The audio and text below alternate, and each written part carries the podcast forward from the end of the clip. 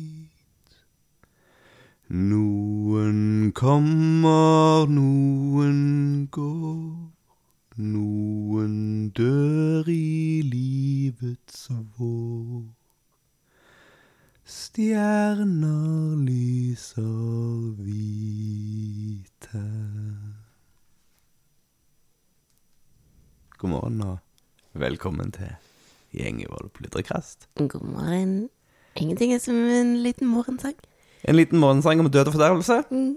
Eh, for det er livets forgjengelighet vi tar en liten prat om i dag. For det er godt å starte uka med.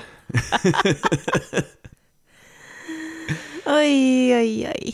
Ja, Ja, vi skal alle dø, Kjetil. vi skal alle dø. Takk. Noen før andre. Eh, og dette er jo ei uke vi har grua oss til ganske lenge. Mm. Eh, Ja, og vi visste jo ikke at det skulle, alt, alt skulle skje på samme uke, men det ser det ut til å bli det. Ja. Eh, det vi snakker om, er jo da selvsagt eh, de små dyrene, eh, som ikke er fullt så små lenger, som skal gå videre og bli til mat. Eh, det er jo den fine måten å si at eh, vi skal putte dem i en bil og shippe dem av gårde, og om to-tre dager så skal noen kakke dem. Mm.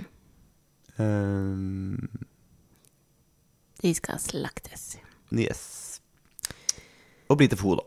Så det er heldigvis Ja, menneskefôr, Ja. forhåpentligvis. Mm. Eh, da har de jo på en måte.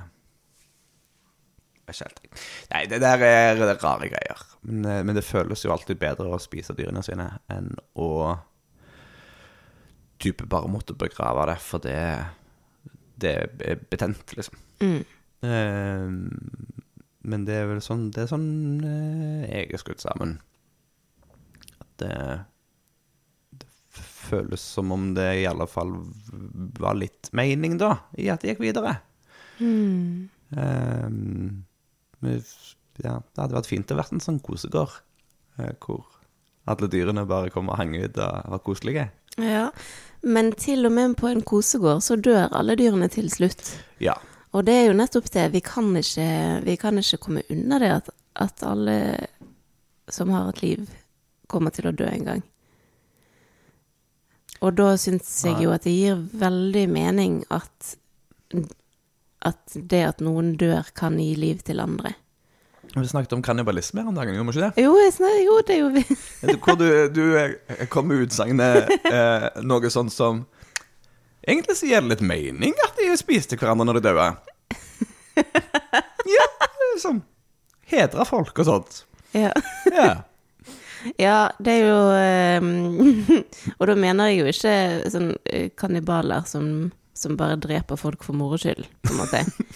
Men hvis det var sånn at noen døde, først skulle dø, så eh, så syns jeg jo at det mm, sånn rent ressursmessig gir mening. Mm. Um, og jeg syns at vi skal utnytte alle ressursene, og i det å spise noe som har levd, så syns jeg òg at det gir en slags heder da, til det livet som de levde. Mm. Og, en, og en slags takk, på en måte. Ja. Um, og ja, vi, vi, skal, vi skal ikke underkjenne det at kjøtt er, er dyr som har levd. Vi som spiser kjøtt, må liksom godta det. Mm. Men det har jeg jo tenkt mye på i det siste, eller ja, jeg, jeg tenker jo mye på det stadig vekk, at det er ikke bare de som spiser kjøtt som må akseptere at, at eh, det å dø er en del av å leve. For det er Vel, jeg, det er jo ikke mulig, mener jeg. Det er, det er min påstand at man kan ikke gå gjennom livet uten å forvolde død over andre. Ja. Det er på en måte Det er ingenting Det å leve og det å spise mat innebærer at noen dør. Enten det er eh, Ja. Den sauen eller den kuen som man dreper for å spise kjøttet. Eller det er de meitemarkene og de insektene i Mm, jorden ok, som dør når du eh, graver i jorden eller pløyer for å dyrke korn. Mm. ja. Det Eh. er klart, hvis du tar det, det, tar, liksom det, det, det, det store perspektivet der Ja, Så, og hvorfor eh, skal man ikke det? Fordi Nei, all produksjon innebærer eh, at man skaper eh, nytt liv, og, og at man i det samme også forvolder noen sin død. Og til og med altså på mikronivå, på eh, bakterier og, og mikroorganismer, så er det jo Og celler, så er det jo Mm. er millioner som, som dør hele tiden, og det er jo en naturlig del av det å leve. Mm.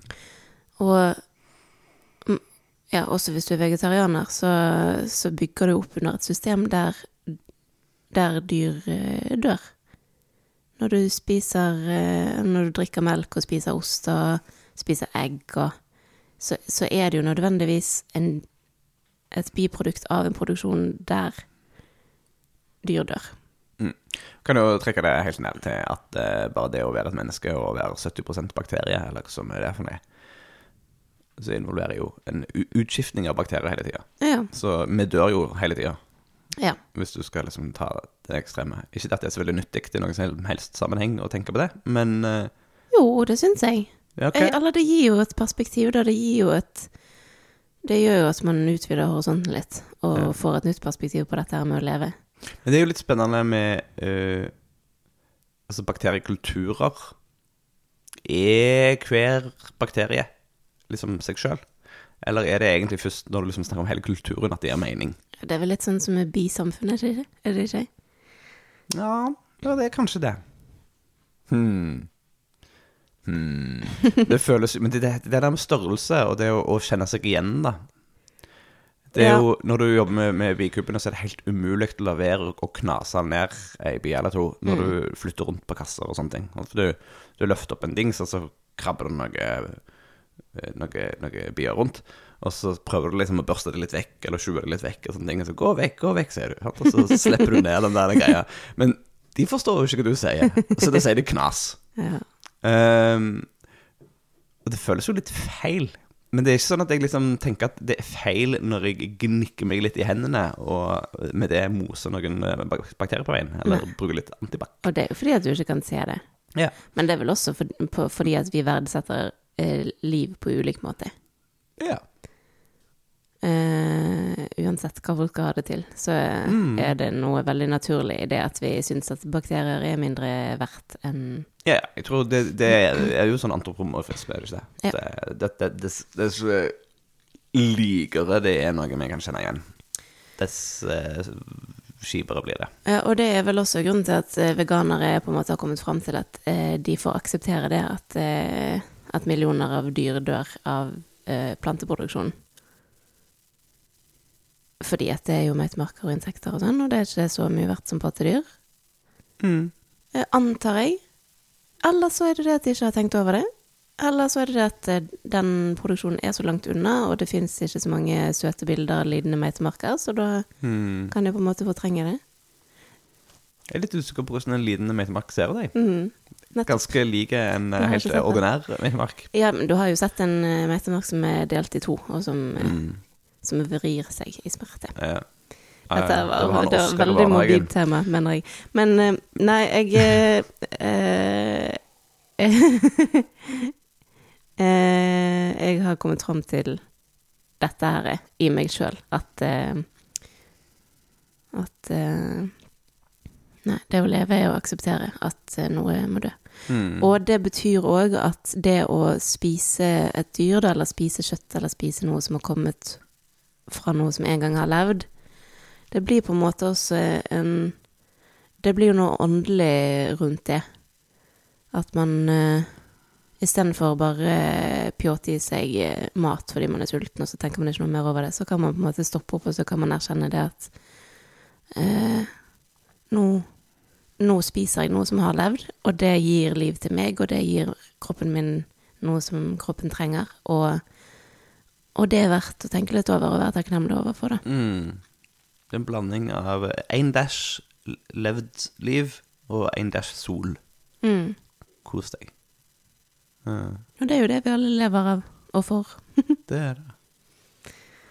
Så derfor er vi um, Derfor er vi jo på en måte litt eh, emosjonelle nå når vi skal sende noen av dyrene våre av gårde for å bli slaktet. Og så er vi jo samtidig allikevel ganske sikre på at dette er noe vi kan stå innenfor. Ja, altså det Vi gir dem Ja, ja. Vi gir dem gode liv. Mm. Ehm, og all den tid uh, vi kan mette noen med den maten, uh, og alternativet er at de hadde spist noen dyr som ikke hadde hatt det fullt så bra, så gjør vi jo verden til et bedre sted både for eh, folk og fe. Mm. Så det føles bra. Ja. Og hvis de folkene som spiser de dyrene i tillegg vet å verdsette det litt ekstra, Mm. så gir det jo Så gir det veldig mening for oss, da. Ja. Syns det er eh, jævlig drit å gå og fôre de om dagen. Mm. Jeg føler meg jo som en liten hykler. Um, samtidig så er det jo fint å se at de bouncer rundt og gjør greiene sine. Mm. Lever sånn som de skal leve. Ehm, så i dag, antageligvis i kveld, så reiser disse syv værlammene. Uh, og antageligvis på onsdag reiser de fire grisene. Eh, men det er tids... eh, ja, de grisene må jeg få avklart i dag. Det har vært så himla mye kaos med disse slakteriene. Ja, kan vi frustrere oss litt over slakting om litt, av om litt, gris, om eller? litt, om litt. Vi kommer til det. Eh, for først så, så Ja, for det ehm, Høyst sannsynlig så reiser værene i kveld, men skal ikke slaktes før onsdag. Mm. Og det, det mellomrommet der gruer jeg meg til. Det som er fordelen denne gangen, da Nå er det første gang vi skal slakte sauer. Um, og fordelen med det sammenlignet med når vi slakter gris, er jo at uh, nå skal vi bruke et slakteri hvor vi uh, drar dit sjøl. Og det er såpass små forhold at uh, vi kan se oss litt rundt og, og på Ja. en måte få en følelse av at de faktisk kommer til å ha det helt fint. Mm. Er Ja. jo min forhåpning, da. Ja, og vi kan prate med han som skal gjøre det. Ja. Og eh, vi kan hente det hos han i etterkant. Det, mm, det er klart at det, det har, det utgjør en forskjell, altså. En veldig stor forskjell. Så eh, Ja, for det er slakterier. La oss ta slakterier. For noe dritt. Det er noe, det er Altså- noe utmattende, irriterende, frustrerende dritt. Ja. Det er nå, eh, nå, nå drar vi inn til en ene her. Og en lokalein, eh, det betyr halvannen time kjøring. Inn gjennom fjorden. Eller over, til neste fjord inn gjennom. Altså eh, Å få slakta dyr nært hjemme eh, er ca. umulig. Hmm. Eh, hvis du er skikkelig heldig, så har du noen gardsslakterier i nærheten. Men det er veldig få av de, altså. Mm. Eh, og Vi hadde lyst på flere gårdsslakterier. ja, Og lokale slakterier, bygdeslakterier. rett og slett. Fy søren, det hadde gjort så stor forskjell. Det hadde gjort hele forskjellen for oss som produsenter. Mm. Disse grisene er et herk, må jeg bare si. Altså eh, Når de skal slaktes. Fram til det så er ikke de så mye herk. Men eh, Mm. Eh, i, I fjor så slaktet vi det jo hos Fatland. De holder til på Ølen, og det er hvor lang tid? Tre timer å kjøre? Ja, noe sånt. Og så tenkte vi at i år så har vi lyst til å prøve å finne et alternativ. Uh, Ja, for vi var ikke helt fornøyd med emballering og markering. Sånn, sånne greier. Sånne, Ja. sånne, sånne log logistiske finish-ting. Ja. Og så er det jo, altså når det er et sånt svært slakteri, så så er det jo vanskelig for oss å vite hvem vi skal snakke med og stille spørsmål omkring oppskjæring og egentlig alt mulig. Så det, det føles litt som om vi sender av gårde dyrene inn i et stort maskineri og, og ikke har noe kunnskap eller kontroll på hva som skjer etterpå. Mm. Det er veldig rart. Disse slakteriene driver fremdeles med, altså disse store, at du printer ut et skjema, og så setter du kryss for liksom hva du ønsker at skal skje med dyrene dine. Og fylle ut navnet ditt med penn, liksom. Og at du gir den til sjåføren når du gir fra deg dyrene. Det syns jeg er ganske absurd.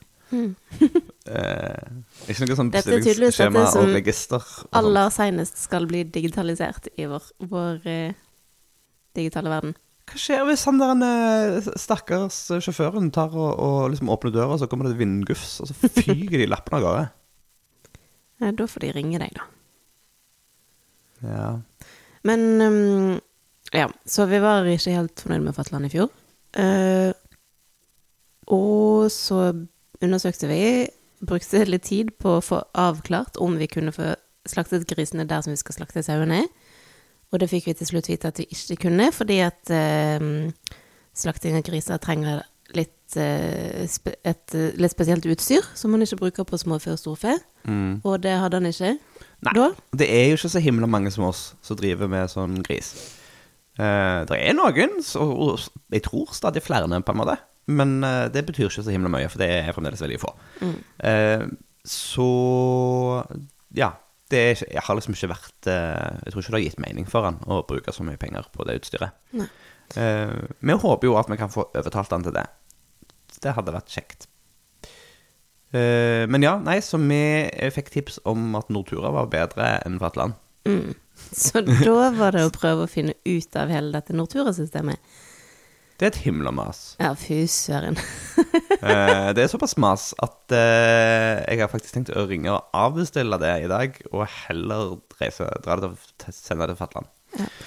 Fordi at der Skal vi se eh, Tok det litt tid før vi klarte å komme i kontakt med en person som kunne gi oss noen svar. Og det var fremdeles mye sånn «Øh, Ja, vent litt, jeg må undersøke dette, og så må vi melde dere opp som inn i systemet vårt for at det skal Ja, og så noen sånne greier. Og så trodde vi at vi skulle få sendt det til Førde. Men vi fikk beskjed om at vi måtte sende det til Sandeid fordi vi bor i vår kommune og ikke nabokommunen. Ja. Og det betyr ikke så mye sånn rent eh, avstandsmessig, men på Sandeid, der var vi i kontakt med, med folkene på retur, og de sa at de hadde så mye å gjøre at det var ikke sikkert, eller mest sannsynlig så fikk vi ikke vakuumert eh, kjøttet vårt. Nei. Så ja, så at jeg, jeg, snakket med alle retninger og prøvde å se om jeg kunne kjøre over til Osterøy, altså liksom en, en mil eller et eller annet. Mil eller to. For å hoppe på bilen der, som kjører til Førde. Eh, men så er det ja, nei, hvor vi bor og blæ, gjør at vi plutselig havner der nede. Så da hadde jeg, ja, så jeg pratet med begge returene.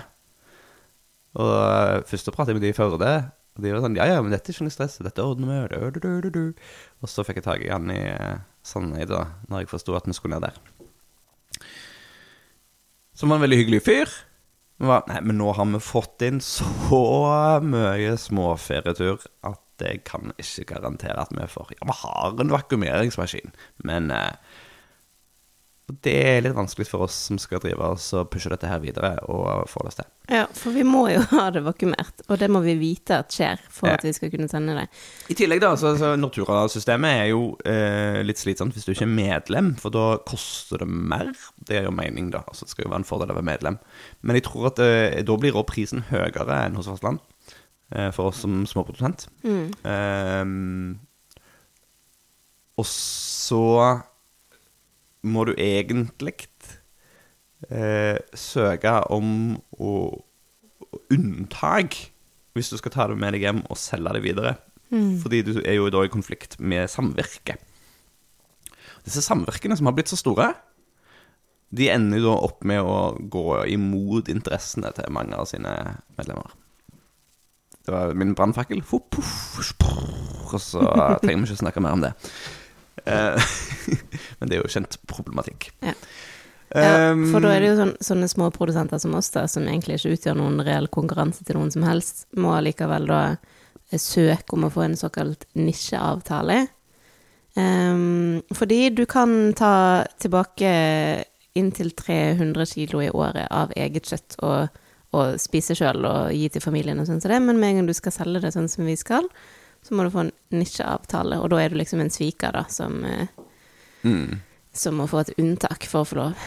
Um, og det er jo også litt mas. Men uh, det var jo først og fremst det at Altså, jeg syns det er ubegripelig at uh, når det er sånn at den, det ene slakteriet sier at nå er vi sprengt på kapasitet, vi kan ikke gi denne tjenesten, så går det ikke bare automatisk over til Førde. Og ikke nok med, Mm. vi kan jo ikke engang be om det. Det er bare ikke mulig. Så alternativet vårt Nei, for vi ba jo om det. Han, mannen sa ja, jeg skal se hva jeg får til. ja. Og så fikk Tenk at det skal være så jeg vanskelig. bare beskjed om at det skulle andre veien. Ja, så hva skal folk gjøre, da? Altså, ok, uh, ja, men dette kan vi ikke jobbe med. vi Nei. må jo få slaktet, og vi må få det vakuumert.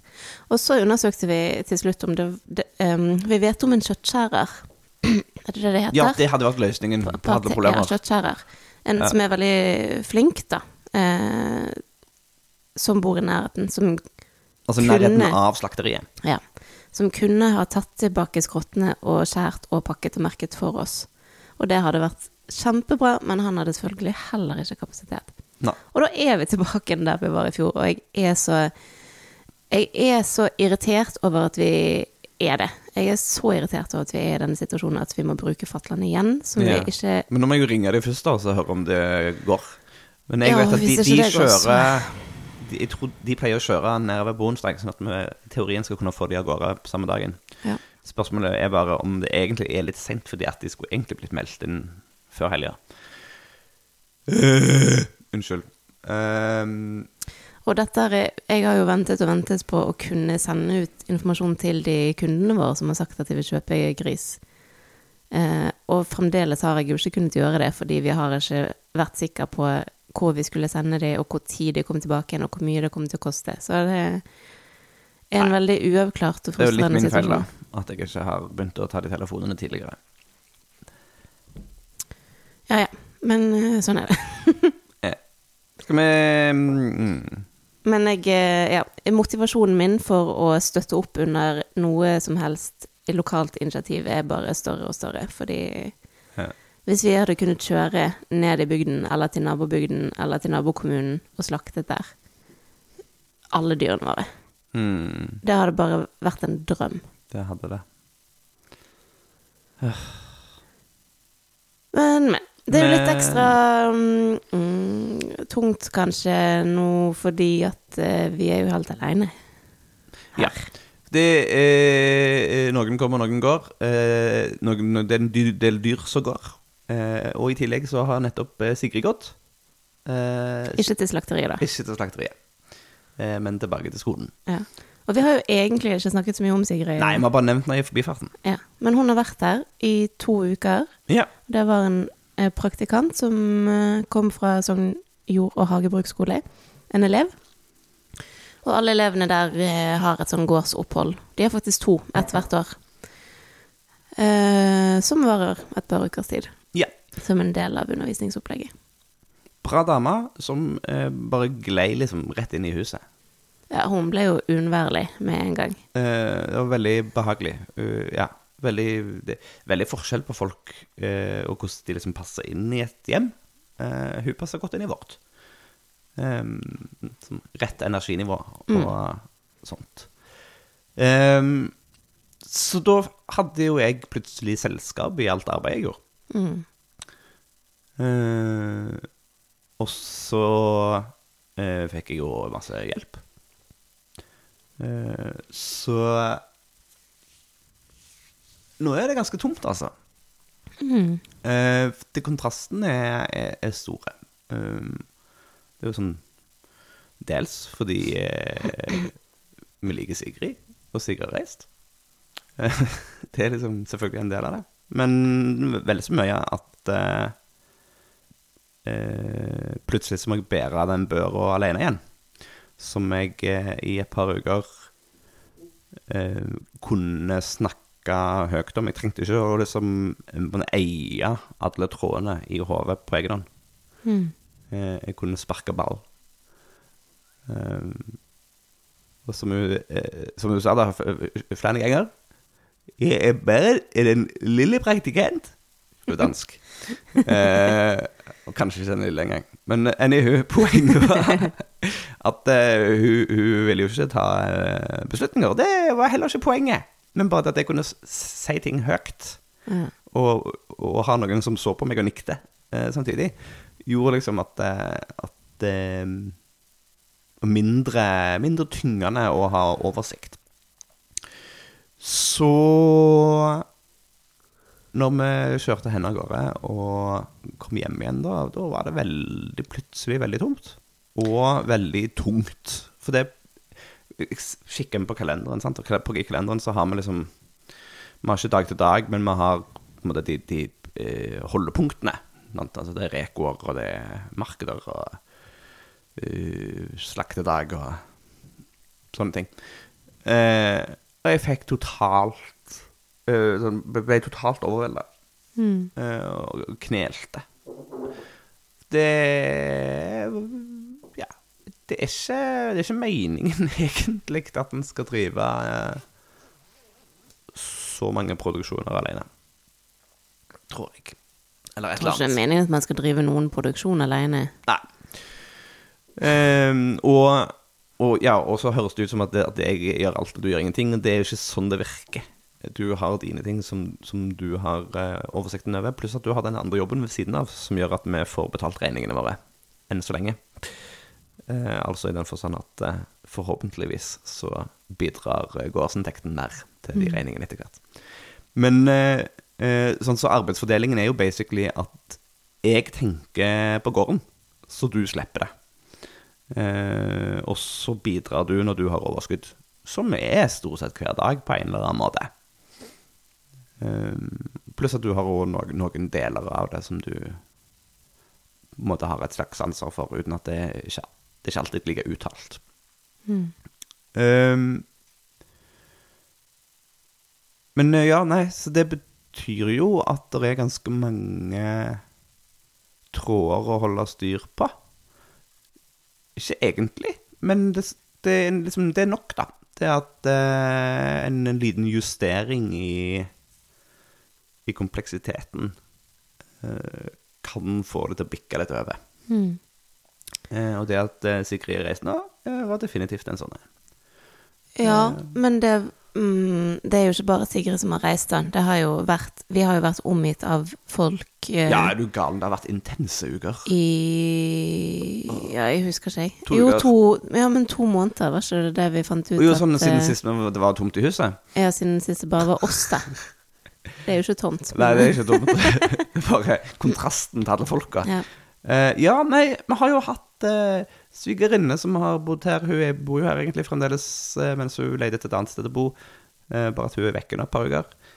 Eh, jeg har hatt venner. eh, dugnadsfolk. Praktikant. eh, annen familie.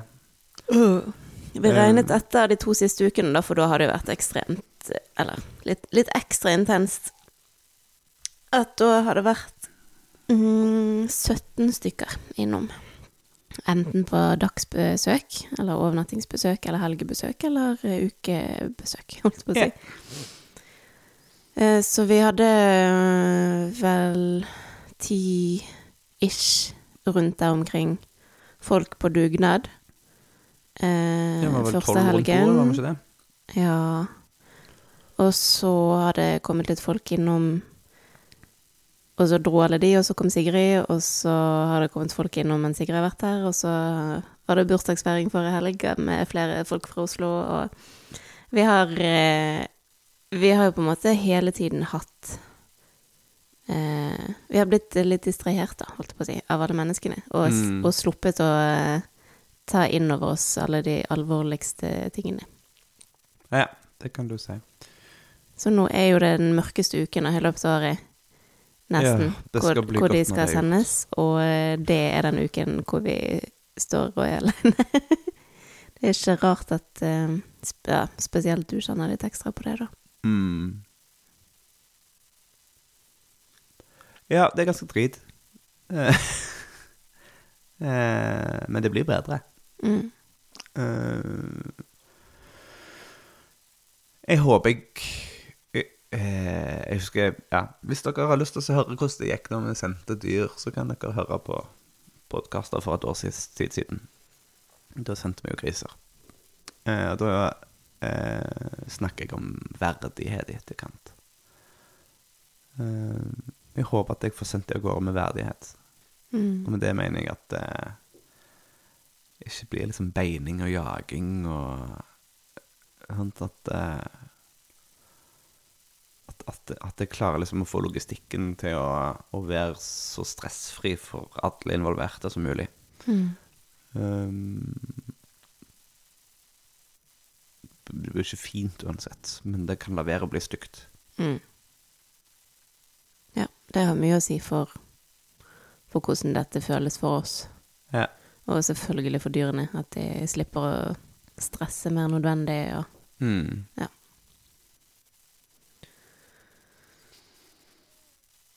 Men jeg eh, Du, Hei. hva, skal vi avslutte med noe hyggelig? Ja, skal du snakke om de der? Uh, ja, vi, det er jo mye vi kunne snakket om. Ja. Spinning og eplegelé og alt mulig. Eplegelé, ja. I, I går så hadde jeg en veldig fin eh, og våt stund i hagen. Det regnet jo, så jeg ble helt gjennomvåt. Men um, jeg har tenkt lenge på å finne tid til å gå ut og grave litt, fordi vi har jo en del ting som må i jorden Mm. Før vinteren. Og nå kom endelig eple... Nei, løk. Blom, løkblomstene. Blomsterløkene. Høstløkene. Som jeg hadde bestilt på internettet for to måneder siden. Kom yeah. i posten. Eh, så da fikk jeg satt noen av de Mm. i går. Og fikk eh, anlagt eh, siste fliken av det blomsterbedet som jeg har tenkt at jeg eh, skulle fikse opp i hele sommeren, egentlig. Mm. Ehm, der har vi hatt litt andre blomster i år, og så utvid, utvidet jeg det nå. La på avispapir og kompostjord, og så satte jeg uh, løker i jorden. Og det var noen tulipaner, og noen uh, villtulipaner, og noen uh, perleblomster. Og noen um, narsisser. Noen uh, pinseliljer. Og så har jeg kommet bare halvveis. Men uh, da er vi i hvert fall i gang. Og det er første gangen jeg setter høstløk. Mm. Jeg er veldig spent på om det funker. det, er liksom, det er vanskelig å tro på at av denne bitte lille løken så skal det komme en, en blomst uh... Heter dette en høstløk? Nei. Du, men- jeg har jo, aldri altså, hørt det begrepet før. Oh, ja. Nei, det er bare at du setter de på høsten, da. Ja, ja, ja. ja. En blomsterløk. Litt som høstkorn. Som tilfeldigvis skal plantes på høsten. Mm. Ja, ja, ja. Eller så kan du Det er triks der òg, er det ikke det? At uh, du kan uh, Hvis du uh, ikke fikk satt de i pausen, så kan du fryse de, Mm. og så plante de, sånn at Ja. de får en fake vinter. Mm. Tror jeg. Stemmer ikke det? Jo, jeg tror det. Du, og så kan du ja, på en måte forkultivere det inne, da. Mm. Alle mulighetene. Ja. Men uansett, poenget er at nå, nå går de i bedet. Nå er vi Nå er allerede mange er på plass. Mm. Under et fint dekke av eh, eh, ull. Mm. eh, For å beskytte jorda, så det ikke blir noe tull. um, og så har vi jo masse hvitløk, da, som skal settes òg. I det nye bedet som du og Sigrid har Yes. laget. Skal jeg fortelle deg noe? Det har jeg Ja. ikke fortalt deg. Har ikke fortalt meg? Nei. Em, vi lagde chutney her om dagen. Ja. Ja. Eh, og i forkant av det så hadde jeg eh, For vi har jo kjøpt en sånn settløk, hvitløk. Eh, så jeg tok også For Fordelte de, alle sammen. Og så samla jeg en bolle, og så var jeg nysgjerrig på hvor mange det var, sånn cirka. Så jeg telte opp 30 stykker, tror jeg, og veide de. Og så gjorde et sånn anslag på liksom hvor mye veier alle. Eller, ja. Og da ble konklusjonen at eh, det var ca. 380 oppi der. Eh, nå er det ca. 365. Fordi eh, Sigrid var litt eh, tenkte seg ikke helt om når vi begynte å stå eh, med å produsere disse greiene ut på kvelden der. Ehm, så hun, hun starta med at hun kjøpte en hvitløk. Hun var sjøl med i butikken og plukket den hvitløken. Um, men uh, uh, hun begynte å forsyne seg da altså med fedd fra setteløken når hun skulle skjære til chutneyen. Ja, fort gjort. Yeah. så Det var bra det, det var, 15 stykk. eh, var bra det ikke var 100, da. 39 som skulle 38, tror jeg. Ja. Så skulle vi oppskriften. Ja, Men ble det en veldig god chutney. det ble det. Det var en suksess. Mm. Vi har også fått noen veldig hyggelige meldinger i det siste. Det har vi. Crazy shit bananas. Det er Flere som, som, som sender oss meldinger og sier at de ja, nettopp har oppdaget podkasten og hører på alle episodene, og så kommer de med mange koselige beskjeder. For Mm. eksempel en som eh, har rabarbra, som vi kan få. Det er veldig kult. Så nå, nå har vi å sikre oss i alle fall en 100 år gammel variant. Det er så kult. Eh, Det betyr at vi skal snakke med deg. Vi har ikke snakka med deg, vi snakker med deg snart. Jeg lover deg. Ops. Men vi har lyst på flere typer, da. Så lag lyd, da. Lyst På alle typene. Driver du også og finner fram meldingene? Uh, ja, jeg tenkte jeg skulle bare se at vi ikke glemte noen ting. Men ja. Uh, og hun, fy- det er jo så oppløftende å oppdage at det er flere av sånne som oss der ute, som man bare ikke Som ikke er så veldig tilstedeværende på internettet, da. Sånn der så mye vanker, eller noe. Ja, men, men det er jo helt tydelig at det er en sånn boble med sånne uh, s- små hippie-gassfolk som er på Instagram. Mm. Og det blir ei boble. Sånn selvforsterkende boble. Sånn at eh, eh, Ja, det er Nå bra. tenkte jeg spesifikt på hun med rabarbraen, Ja? Jo, som det, bor såpass nærme, og som også er opptatt av ja, eh, men det er av- nemlig poenget mitt. Ja. Ja. Fordi det er andre bobler ja. enn den vi har havna i. Mm. Ja. Det var bare det. og som driver med oppdrett og gamle raser og, Mm. og sånn. Og der føler vi jo oss eh, eh, ofte litt aleine. Ja.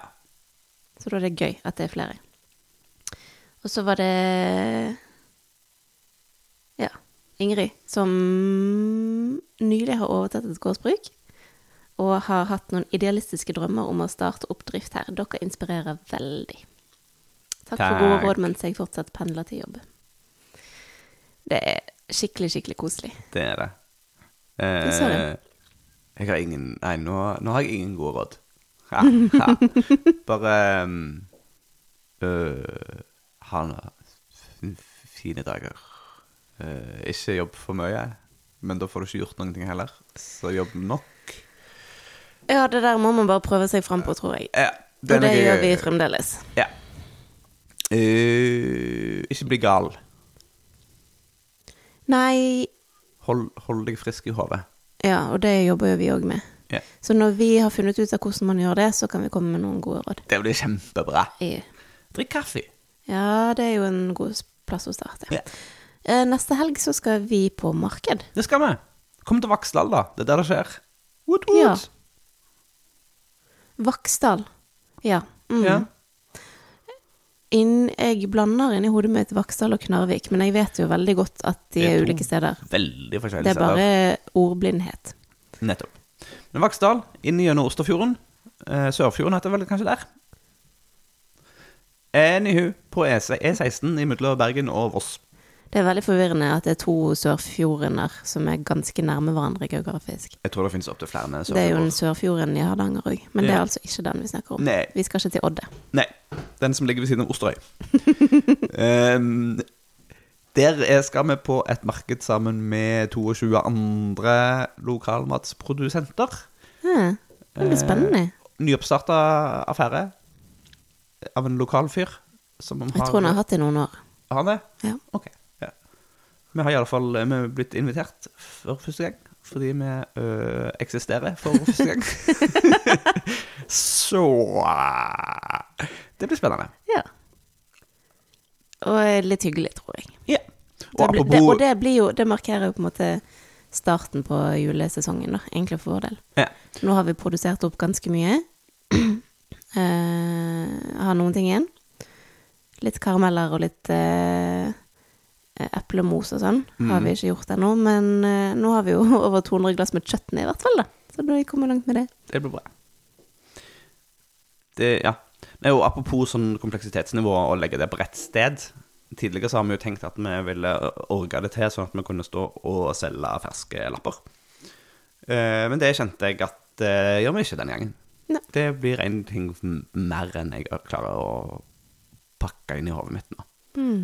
Eh, så det er jo sånne vurderinger å gjøre hele tida. Ja. Kjenne på egne grenser. Ja, det er noe dritt. Og føle etter. Ja. Ja, veldig slitsomt. Mm. Det er noe mas følelser, altså. Eh, det, er- det er noe dritt. Men nå fint. Så hurra. Jeg syns vi klarte å avslutte denne podkasten på en eh, litt høyere vibrasjon enn da vi startet. Det er sant. Eh, har du en annen sang du vil avslutte med, Eh, som er litt mer upbeat? nei. Eh, hvordan var det denne Gasolina-affæren? Uff da. Nei, jeg har begynt å Litt takket være deg, så har jeg begynt å synge på julesanger. Men det er for tidlig. Det får du ikke lov til. Men det var du som begynte. Nei, det var det ikke. Nei, nå, du, da sier vi takk for nå! Ha det! Ha det! Tusen takk for at du har hørt på Gjengevold pludrekast. Hvis du har en tilbakemelding på podkasten, så blir vi kjempeglad for å høre fra deg. Er det noe du syns vi skal snakke mer om, eller noe vi bør snakke mindre om, så kan du sende oss en melding på e-post på hallo.krøllalfa.gjengevold.no. Du kan også komme i kontakt med oss på Facebook på Gjengevold mangesysleri, på Instagram ett mangesysleriet, og på nettsidene våre gjengevold.no. Vi setter utrolig stor pris på å høre fra deg, og vi blir ekstra glad hvis du har lyst til å dele denne podkasten med en venn.